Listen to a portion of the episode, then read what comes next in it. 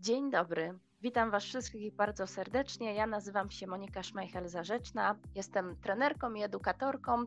E, wcześniej byłam ambasadorką EPALE, obecnie pracuję w FRSI jako Training Program Manager i koordynatorka projektów zarówno dla bibliotek, jak i organizacji społecznych. A dzisiaj ze mną jest Karol Baranowski, bibliotekarz z kilkunastoletnim stażem, pracujący obecnie w dwóch bibliotekach. Jedną z nich jest Pedagogiczna Biblioteka Wojewódzka w Krakowie, a drugim Wojewódzka Biblioteka Publiczna w Krakowie. Karol, oprócz tego, że żyje w świecie książek i jest głęboko zanurzony w bibliotekarskie wyzwania, to również jest pasjonatem, e, edukatorem i trenerem z obszaru nowych technologii. I o tym właśnie dzisiaj porozmawiamy, bo e, będziemy rozkładać na części pierwsze sztuczną inteligencję, a co więcej, możliwości jej wykorzystania właśnie w bibliotece.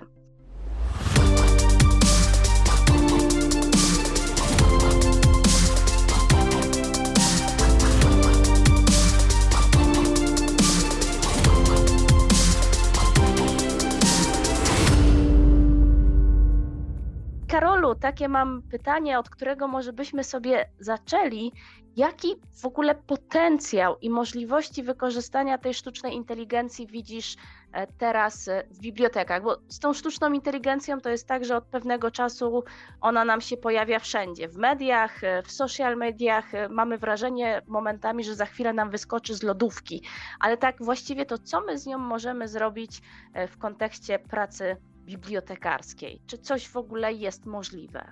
E, dzięki za e, pytanie. Witam serdecznie wszystkich. E, sztuczna inteligencja w bibliotece ma bardzo, bardzo duży potencjał.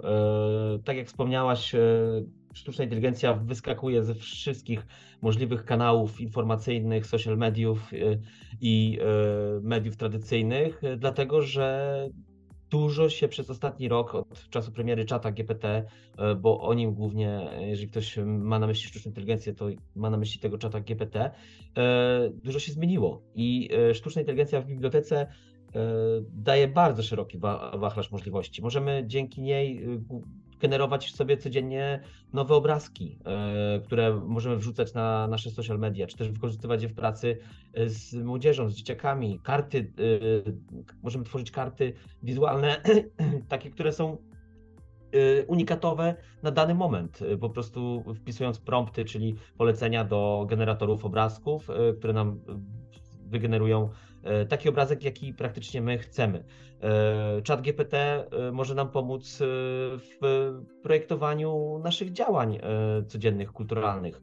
Może nam zaprojektować posty na Facebooka, może nam zaproponować możliwości związane z opisem wydarzeń, e, czy też najważniejsze, ostatnio jest listopadowy e, miesiąc, miesiąc pisania projektów. E, Chat GPT może nam pomóc stworzyć szkic, szkielet, scenariusz wniosku projektowego do ministerstwa i nie ma w tym nic zdrożnego i nie ma w tym nic nagannego, że wykorzystujemy to narzędzie, które nam po prostu podpowie, jak dobrze przygotować wniosek projektowy do, do ministerstwa. To w tym momencie tak na, na szybko takie rzeczy mi, mi przychodzą do głowy, czyli marketing biblioteczny, projektowanie działań bibliotecznych, pomoc w przygotowywaniu wydarzeń, materiałów edukacyjnych, no i też markę, działanie projektowe. Wydaje mi się, że to jest bardzo szeroki wachlarz możliwości. Mhm. Zdecydowanie, tak jak mówisz, y, bardzo głośno o sztucznej inteligencji zrobiło się od momentu y, udostępnienia czatu GPT y, szerokiej publiczności, szerokiemu odbiorcy i, i rzeczywiście to jest pierwsze skojarzenie, które w tym momencie mamy ze sztuczną inteligencją, ale tak jak doskonale wiemy, zwłaszcza jego darmowa wersja ma swoje ograniczenia i żeby tak jak opowiadasz, generować obrazki czy e, robić e, wiele innych rzeczy, musimy jednak sięgać do różnych e, też zewnętrznych, innych narzędzi. Czy, czy mógłbyś polecić, podzielić się, jeśli chcemy zacząć przygodę, to co warto na początku przetestować, wypróbować? Gdzie mhm. oprócz czata GPT możemy ewentualnie zajrzeć? Pierwsze, co mi przychodzi do głowy, to Microsoft, e, jego przeglądarka Edge. E, jeżeli mamy konto Microsoftowe, czy, czy to służbowe, czy, czy prywatne, a większość osób pewnie ma, bo wykorzystuje swój komputer z Windowsem, to po prostu ja się przeprosiłem z Microsoft Edge'em i zacząłem z niego korzystać, dlatego że właśnie tam już wbudowane jest w przeglądarkę, jest już sztuczna inteligencja Bing, chat Bing, który działa na zasadzie i wyszukiwarki, ale też czatu podobnego do GPT, bo jest na tej architekturze oparty. E, I tam bardzo łatwo można po prostu sobie przetestować, e, zadając mu pytania, e, tego, żeby wyszukał, żeby coś napisał i tak dalej. Więc Edge jest takim dobrym pierwszym krokiem, bo po pierwsze często już jest na, komputerach, nie trzeba nic dodatkowego robić, bo jeżeli mamy konto Microsoftowe, to po prostu z automatu jak gdyby dostajemy dostęp do czata Bing. I też w Microsoftie, w Edge'u, w przeglądarce jest kreator obrazów też domyślnie ustawiony y, na nasze konto. Y, oczywiście musimy jak gdyby zalogować się tam, y, ale on może już jest. Możemy go wykorzystywać od razu, posiadając konto na Microsoftie, więc ja spokojnie, znaczy może to trochę to zabrzmi dziwnie, ale polecam przeglądarkę Edge jako taki startowy element związany ze sztuczną inteligencją, bo mamy od razu te dwa najważniejsze rzeczy, dwie najważniejsze rzeczy, które się kojarzą ze sztuczną inteligencją, czyli czat i e, generator e, obrazków, więc e, spokojnie można od tego zacząć. Jest jeszcze oczywiście też wielu z nas korzysta z Google'a i Google ma, ma swoją sztuczną inteligencję, rozwija sztuczną inteligencję, BARD, tak jest nazwane i on się niczym nie różni tak, od strony takiej praktycznej od czata GPT, no poza tym, że jest troszkę inaczej rozwijany przez korporację Google. I te te, te dwa kierunki spokojnie y, dla początkujących y, powinny wystarczyć. Kreator obrazów w Microsoftie i y, ich chat Bing też w Microsoftie, żeby sobie potrenować, posprawdzać, pobawić się tak na początek. Mhm. E, tak, rzeczywiście te dwa narzędzia też są darmowe, testowałam i e, można otrzymać naprawdę ciekawe rezultaty.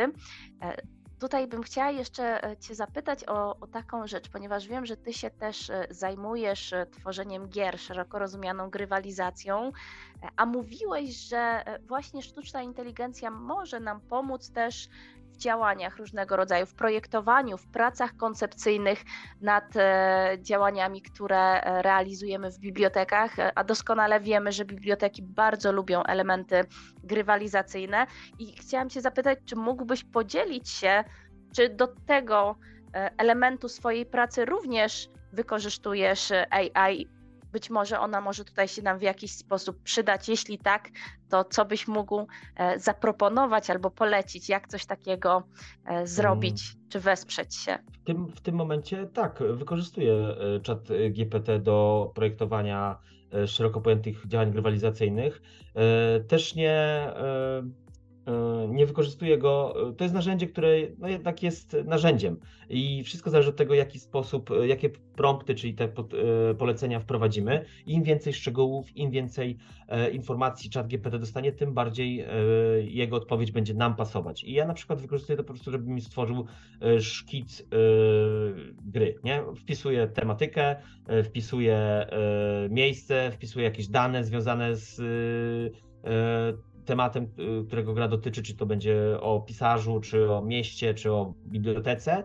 E, I on mi wtedy tworzy taki właśnie szablon e, z na przykład podziałem na zadania. On nie jest dobry w wymyślaniu zadań, e, nie jest dobry w zagadkach logicznych, quizach itd., tak itd., tak ale ten szkic, taki uszeregowanie mojej, mojej gry w, po prostu w kontekście organizacyjnym jest bardzo, bardzo świetny. Plus potencjał kreatywny jest bardzo duży, bo ja dostaję, jak na przykład wpiszę, podaj mi pięć pomysłów na grę miejską związaną z Krakowem, on mi pisze pięć pomysłów, z których ja mogę sobie wziąć kawałeczek tego, kawałeczek czegoś innego i y, po swojemu jak gdyby to y, stworzyć i, y, i wygenerować. A grywalizacja jest jak najbardziej fajnym krokiem i elementem pracy.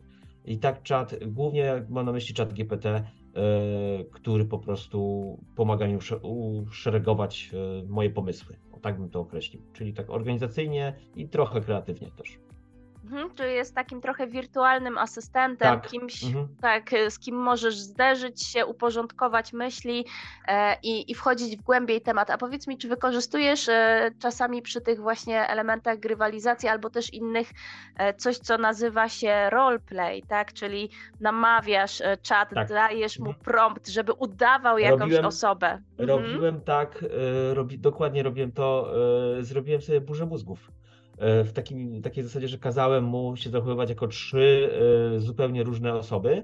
E, Albert Einstein, Leonardo da Vinci, no i Adolf Hitler. Tak dla jak gdyby po prostu z takiej zupełnie innej beczki. I, I on autentycznie udzielał odpowiedzi na takie pytania, że wymyśl grę albo wymyśl zadania na taki taki temat, no to y, udziela odpowiedzi y, jako Leonardo, jako Albert i jako Adolf. I każdy z tych jak gdyby odpowiedzi była nacechowana jednak troszkę charakterem osoby, która, której kazałem mu być.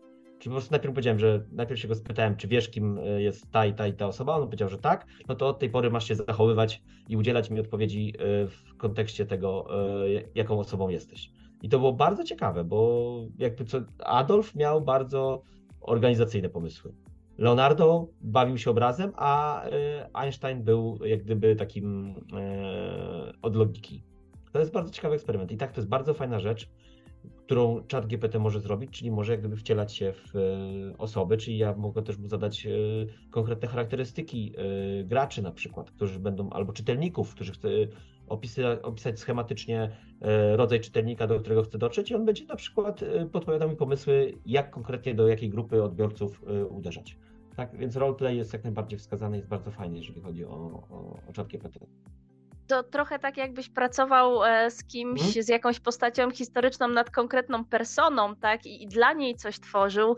E, Bardzo ciekawie e, to brzmi. Myślę, że chyba w podobny sposób moglibyśmy poprosić sztuczną inteligencję, żeby udawała, nie wiem, eksperta od marketingu, Tak, tak, tak. mhm. tak? Dietetyka, nie wiem, dyrektora instytucji. Tak, kogoś, z kim Mhm, chcemy mhm. właśnie poburzować, kto będzie miał specyficzny pewien e, zasób wiedzy i też sposób e, wypowiadania się. Mhm. e, Czyli tak jakby troszkę to jest też taka odpowiedź na niedobory być może kadrowe w bibliotece, zwłaszcza w tych miejscach, gdzie musimy pracować samodzielnie albo w bardzo małych zespołach i wszyscy mają e, mało, mało czasu, a pracy jest, jak wiemy, zawsze bardzo dużo. Mamy takiego wirtualnego asystenta dostępnego 24 godziny, 7 dni w tygodniu i, i z nim możemy sobie współdziałać. E, No dobrze, ale to, to nie wszystko wygląda tak kolorowo, bo takie rzucę ci teraz hasło halucynacje. Mhm. Co to jest? Czy to się często zdarza? Jak to wyłapać? e, W tym momencie e, ChatGPT dzieli się na darmowy i płatny. 3,5 to jest darmowy, a 4 jest płatny, 20 dolarów na miesiąc, jeżeli dobrze e, pamiętam. E, I darmowy ma ograniczenia związane zarówno z liczbą pytań, które można mu zadać w ciągu dnia. E, Ma ograniczenia takie, że często jest niedostępny, jeżeli jest obciążenie dużo serwerów e, firmy. Wtedy musimy czekać po prostu, aż się zwolni e, miejsce. I jest jednak sporo, tak w skrócie ujmijmy, głupszy niż e, ten płatny. I tak, i on zamiast powiedzieć nie wiem, będzie nam e, halucynował, czyli będzie e, kłamał. Za wszelką cenę chce udzielić nam odpowiedzi. To, czy ta odpowiedź jest poprawna, prawidłowa, już nie ma takiego znaczenia, bo on będzie po prostu ściemniał. Jeżeli go poprosimy, na przykład, przygotuj mi bibliografię e, na temalizacji w bibliotece, to on nam przygotuje ładnie, skomponowaną według zasad, e, według zasad e, bibliotecznych, bibli- bibliograficznych bibliografię, tylko że to będzie wymyślona bibliografia nieistniejących artykułów, nieistniejących książek, które on sobie sam wygeneruje na potrzeby nasze. Gdyż darmówka nie ma dostępu do internetu i ma wiedzę do 2021 roku.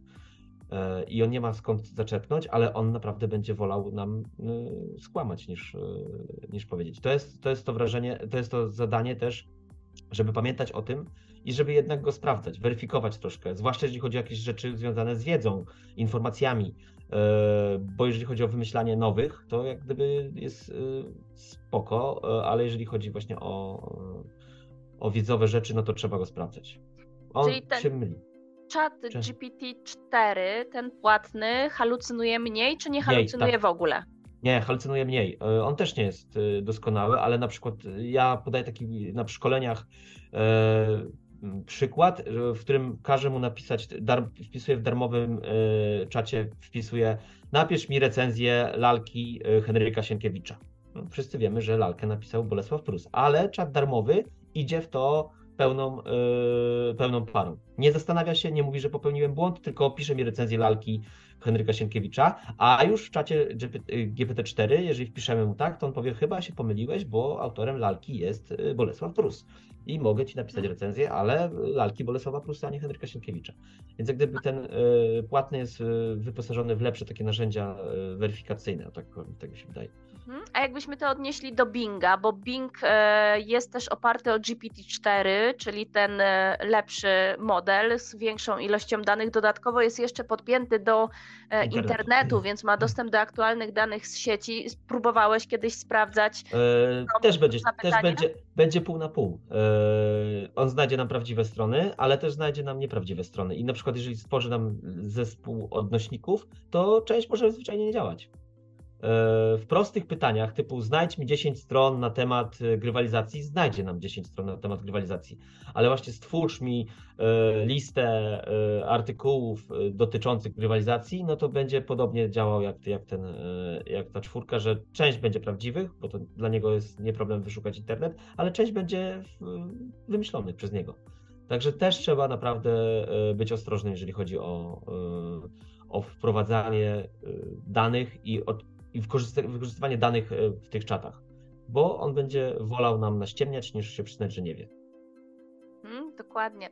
E, czyli tutaj jeszcze mamy takie trochę e, dwa zagrożenia czy wyzwania. Z jednej strony to są te halucynacje, ten, ten, ta jego potrzeba udzielenia odpowiedzi, ale z drugiej strony to szczególnie w kontekście Binga czy płatnego czata GPT też to, że w internecie, w sieci nie tak. wszystkie źródła są prawidłowe i prawdziwe, tak? Więc tutaj jeszcze dochodzi weryfikacja e, tego, że sieć jest ogromna i, i nie da się e, tam wyszukiwać tylko e, źródeł, nie wyszukuje nam tylko spośród źródeł wiarygodnych, co więcej, mhm. nawet rzadko chyba daje jakieś naukowe przykłady. Bardziej tak. to są miejsca takie bardziej popularno-naukowe, czy tworzone przez zwykłych, niezweryfikowanych użytkowników, użytkowniczki. Ale takie, tak się zastanawiam, E, czy jeśli, czy nie możemy tego załatwić jakimś prostym promptem, czyli na przykład powiedzieć mu pisz tylko prawdę, albo wprost powiedzieć mu nie wymyślaj, nie halucynuj, pisz tylko to, co nie, wiesz. Nie zadziała, bo on powie, że przecież się stara i, i powie, że przecież się stara, ale o co ci chodzi? Przepraszam, jeżeli cię wprowadziłem w błąd, ale dalej będzie jak gdyby e, działał, bo on powie, że, że prawda jest konceptem na przykład, nie? I, yy, i to jest ciekawe, ja muszę, muszę to sprawdzić, bo tak mu nie, nie kazałem, żeby mi opisać prawdę. Mhm. Ale wydaje mi się, że nie, że będzie ściemniał jednak dalej wciąż, nie? że będzie cały czas brnął yy, w, te swoje, w te swoje halucynacje. Mhm. Czyli, czyli z drugiej strony nie jest ta tylko taka prosta sprawa i jednak e, nie możemy korzystać ze sztucznej inteligencji bezrefleksyjnie, jednak trzeba ją w mhm. jakiś sposób weryfikować, bo to nie jest tak, że jest e, to narzędzie nieomylne i wszystko wiedzące. E, troszkę pójdę, weszliśmy już trochę w kontekst taki związany z zagrożeniami, z weryfikacją i tak chciałam Cię zapytać, jakie jeszcze widzisz inne zagrożenia związane z tą mm. technologią, przed którymi teraz stoimy, bo zobacz, w tym momencie nie mamy właściwie żadnych regulacji prawnych. E, owszem, one są opracowywane i w Chinach, i w Stanach, i w Unii Europejskiej, przy czym ostatnio czytałam, że ten AI Act, e, jeśli zostanie przyjęty w Unii Europejskiej jakoś e, na początku przyszłego roku, to i tak ma e, taką karencję, zanim zacznie obowiązywać 24 miesiące, więc możemy się spodziewać lata, regulacji prawnych co naj, najwcześniej za dwa lata właściwie. No i co nas w tym czasie czeka? Jak, na jakie zagrożenia możemy się natknąć? W tym momencie to jest epoka przecież, jeżeli chodzi o rozwój sztucznej inteligencji. Dwa lata to jest po prostu czat GPT 3,5 jest z nami rok, a już y, za niedługo wyjdzie piątka. Yy, I jak gdyby to jest epoka, a jakie są zagrożenia? No to przede wszystkim jednak y, to, że y, owszem, on ma wbudowane bezpieczniki, on bezpośrednio nam nie stworzy złośliwego oprogramowania, bo powie, że nie może, ale można go oszukać, można podejść go w zupełnie inny sposób i przekonać go, żeby tworzył na przykład złośliwe oprogramowanie.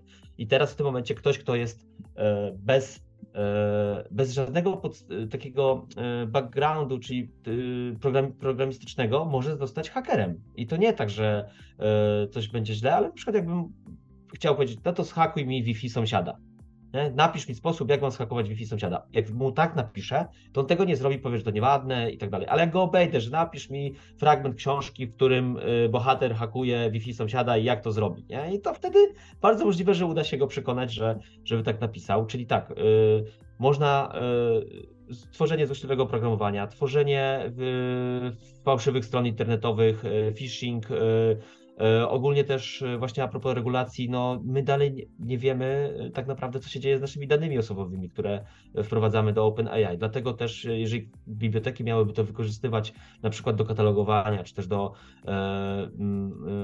w systemach bibliotecznych, no to w tym momencie jest to dość duże zagrożenie, jeżeli chodzi o, o dane osobowe. Nikt nie wie, co się z tym dzieje w środku, nazwijmy tam serwerów, czy teoretycznie OpenAI firma jest transparentna, ale to jest jak gdyby transparentność na poziomie Stanów Zjednoczonych, gdzie no, prywatność jak gdyby nie jest, yy, zwłaszcza wśród korporacji, nie jest zbyt ceniona. Dane osobowe, tworzenie zagrożenia, tworzenie właśnie yy, złych rzeczy, typu programów czy też wirusów nawet i lenistwo jest bardzo dużym zagrożeniem. Nasze lenistwo, nasze ludzkie lenistwo, że E, po prostu będziemy się wyręczać sztuczną inteligencją przy każdych najdrobniejszych rzeczach i nasza kreatywność, która jest cechą tylko i wyłącznie ludzką, e, może zostać stępiona. E, czyli na przykład, owszem, to jest mega wygodne, że on mi napisze 10 postów, pomysłów na posty na Facebooka, że mi napisze notatkę służbową, że mi napisze zaproszenie na ślub, że mi zaproszenie, mowę pogrzebową mi może napisać, ale jak gdyby, tak, może, oczywiście teraz tak mówię z różnymi, mm, ale i w tym momencie, jeżeli będziemy go wykorzystywać częściej, no to automatycznie nasz poziom kreatywności spadnie. I, e, i to jest, tego się troszkę w sumie obawiam, bo my jesteśmy leniw, leniwym gatunkiem. Po to sobie wymyślamy rzeczy, żeby nam było łatwiej. E, I jeżeli będziemy to wpisywać więcej, no to się bardziej uzależnimy od tego. I już za niedługo potrafię sobie wyobrazić świat, w którym e, świat, społeczeństwo, w którym e, nie będziemy w stanie nic wygenerować swojego bez wsparcia sztucznej inteligencji. Nawet teraz, gdzie się mówi o tym, że czat GPT zlikwiduje ileś tam zawodów, e, różnego rodzaju profesji, to w tym momencie powstają nowe zawody typu inżynier promptu.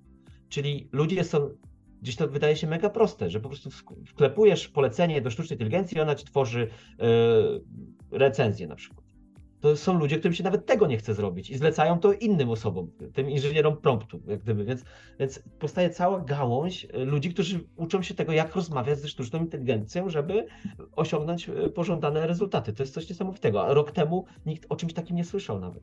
A teraz to jest normalnie zawód, yy, yy, który rozkwita. Więc zagrożenia to też a propos właśnie zmiana jednak sposobu pracy w wielu firmach no na pewno będą jakieś duże, duże cięcia, no bo tak jak mówiłaś o kosztach, nie? jedna osoba może wygenerować 100 postów na Facebooka, korzystając tylko i wyłącznie z czatu GPT. I owszem, one nie będą jakieś super szczególnie kreatywne, czy wymyśl, wymyślne i tak dalej, ale będą, nie? gdyby content będzie e, zapewniony i dowieziony, więc, więc e, a tak to musiałoby pracować przy tym na przykład 15 osób, nie? Albo, albo 5, nie wiem, teraz jak gdyby rzucam. No. Więc tak, zagrożenia są e, dość istotne. U nas w naszej branży kulturalnej to też jest coś takiego, że być może za niedługo e, nikt już nie będzie pisał książek. Nie? Oczywiście teraz żartuję, bo książki powstają cały czas, ale ja osobiście uważam, i to jest moja opinia, że w tym momencie jakiekolwiek konkursy literackie, jakiekolwiek konkursy poetyckie nie mają absolutnie sensu. E, jeżeli prosimy ludzi o wysłanie prac, na przykład czy to na płycie, czy, for, czy mailem, to nie ma sensu, bo potrzeba pięciu minut, żebym stworzył opowiadanie kryminalne, czy tam skryt zarys i ewentualnie sobie jak gdyby doprecyzował, zmienił to, jak ja to widzę, a czat GPT da mi po prostu podbudowę. Ja podejrzewam, że za niedługo konkursy będą tak wyglądać jak stare matury. Czyli będziemy zamykać ludzi na 4 godziny bez dostępu do internetu i oni będą pisać opowiadania po prostu na czas. E, może nie na czas, ale po prostu tu i w tym, tu i teraz, bo inaczej to nie ma sensu. Jak kiedyś nawet sam fakt wklepywania tych literek, prawda, pisania, nie wiem, opowiadania na 4 czy 5 stron, no to sam czas mi zajmował. Nie mogłem, nie, czy tam ktokolwiek, nie mógł napisać więcej niż ileś tam określonych opowiadań w ciągu dnia, a teraz można to zrobić, 15 opowiadań napiszę w czat GPT mi napisze w sekundy, dosłownie w sekundy. Więc, e, więc, a ja później mogę sobie ewentualnie coś wybrać i to prze, prze, e, pozmieniać. Zachęcam gorąco, jeżeli ktoś nie korzystał, żeby się po prostu pobawił w ten sposób. Nie? Kazał mu tworzyć jakieś śmieszne opowiadania, wierszyki. E, to nie będą dobre wierszyki, ale też mówimy się, jest takie sporo kiepskiej poezji ogólnie, nie? więc jak gdyby kiepskich książek. Dokładnie. E, więc to jest kiepskiej poezji, jak i kiepskiej literatury, ale tutaj e, to, o czym mówisz, to e, mam takie poczucie, że to jest szersze wyzwanie, że w ogóle chyba cała kultura może być w jakiś sposób e, zagrożona i będzie musiała sobie z tym poradzić, bo dotyczy to nie tylko utworów pisanych, ale też i muzyki, obrazów, wideo. tak tak, tak. Są, e... są, są sztuczne inteligencje, które tworzą z każdego tekstu, tworzą muzykę i to można sobie napisać. Jest, ona teraz, jest taka stronka Sano e, i ona bije teraz furorę, e, furorę wśród tam social, na social mediach, bo po prostu każdy tekst generuje nam e, w całkiem fajny sposób i dobrze czytaj, śpiewane. Ja ostatnio, jak odkryłem tę stronkę, no to wklepałem wiersz Andrzeja Bursy Mam w dupie małe miasteczka i, on mi wygenerował e, wersję rockową, wersję folkową, e, wersję disco polo e, i w ogóle sztuczna inteligencja wie, co to jest disco polo. To jest po prostu coś niesamowitego. E, I to zaśpiewane jest całkiem fajnie. Znaczy, wiadomo, że to jest sztuczne, nie? ale to jest początek, to jest dopiero początek, więc, e, więc jest dużo zagrożeń. Jest też inne zagrożenie, są właśnie fake newsy, deepfake'i, E, i tak dalej. Te narzędzia dostępne dla przeciętnego konsumenta są już na tyle zaawansowane, że ja się boję, co tam jest w ogóle w korporacjach, w laboratoriach, czy gdzieś tam jakieś służby e, wywiadowcze. Nic nie stoi na przeszkodzie, żeby wrzucić e, filmiki. Deepfake jest już technologią też, która ma ładnych kilka lat. I wyobraźcie sobie zamieszanie, jakie może powstać, kiedy ktoś. Teraz jeszcze to widać, że to jest wygenerowane sztucznie, ale przecież wystarczy ile 3 sekundy próbka głosu, żeby móc już później tworzyć nagrania z y, głosem jakiejś osoby. Y, furorę robią przeróbki sejmowe teraz na przykład. Y, furorę robią przeróbki znanych polityków czy celebrytów, które po prostu mówią rzeczy niestworzone i niemożliwe. Nigdy by im przez usta coś takiego nie przeszło, a wielu ludzi nie ma mechanizmów weryfikacyjnych i jak gdyby bierze to za, za prawdę. To jest przerażające i tutaj też akurat rola bibliotekarek i bibliotekarzy jest na tym, żeby uświadamiać ludziom, że nie, że trzeba być bardzo, bardzo ostrożnym. No właśnie tak, jak o tym wspomniałaś, to się zastanawiam, czy biblioteka jako takie miejsce, które od zawsze nam się kojarzyło z rzetelną informacją, z kulturą, sztuką, z literaturą na wysokim poziomie, ale e, też właśnie z, pewnym miejscem, gdzie mogliśmy zweryfikować e, swoją wiedzę i bibliotekarka, tak, e, znamy takie memy, że bibliotekarka to jest pierwsza prawdziwa wyszukiwarka. E, czy biblioteka nie jest dobrym miejscem, żeby e, zająć się trochę tym etycznym aspektem sztucznej mhm. inteligencji, żeby właśnie edukować w tym obszarze jeszcze, zanim nie mamy tych regulacji prawnych, przez najbliższe dwa lata, żeby edukować o tym, co wypada, a co nie wypada e, robić za pomocą sztucznej inteligencji, gdzie jest jakaś taka granica, żeby właśnie być może o tym z ludźmi rozmawiać, poszukiwać i wydawać jakieś rekomendacje. Być może to jest taki obszar, e, w którym biblioteka powinna się e, zająć i, i tutaj bardziej ja się... w tym obszarze podziałać. Ja się zgadzam w 100%. To jest, no nie ma lepszego miejsca niż, niż biblioteka, jeżeli chodzi o uświadamianie ludziom zagrożeń e, związanych ze sztuczną inteligencją, korzyści owszem też, ale też zagrożeń. E, przecież biblioteki od zawsze, wbrew pozorom i takiemu utartemu schematowi, były zawsze awangardą technologiczną. Nie? Pierwsze komputery darmowe, komputery z internetem były w bibliotekach. Pierwsze tablety, zajęcia dla seniorów z obsługi komputerów były w bibliotekach. Nie robiły tego szkoły dla seniorów i tak dalej, tylko to robiły bibliotekarki i bibliotekarze, więc jesteśmy naprawdę naturalnym miejscem do tego, żeby tworzyć właśnie i pracować z ludźmi y, na, na temat sztucznej inteligencji, że, mm, że bibliotekarki też powinny wiedzieć,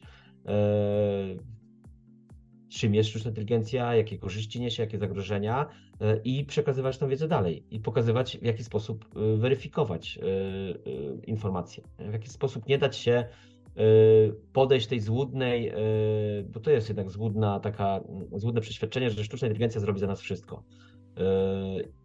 I bardzo kuszące to jest, ale jednak ja uważam, że no nie zrobi za nas wszystkiego, ale praca na przykład z seniorami, którzy już teraz, jak, jak, ja pracuję z seniorami, to widzę, że oni nie mają absolutnie żadnego problemu, jeżeli chodzi o obsługiwanie smartfonów. Wszyscy, więc to, się, to przyszło im bardziej naturalnie niż obsługa komputera z myszką i klawiaturą, więc, więc e, a wciąż jednak e, są osoby, które klikają w fałszywe oprogramowanie, e, te phishingowe rzeczy są coraz dokładniejsze.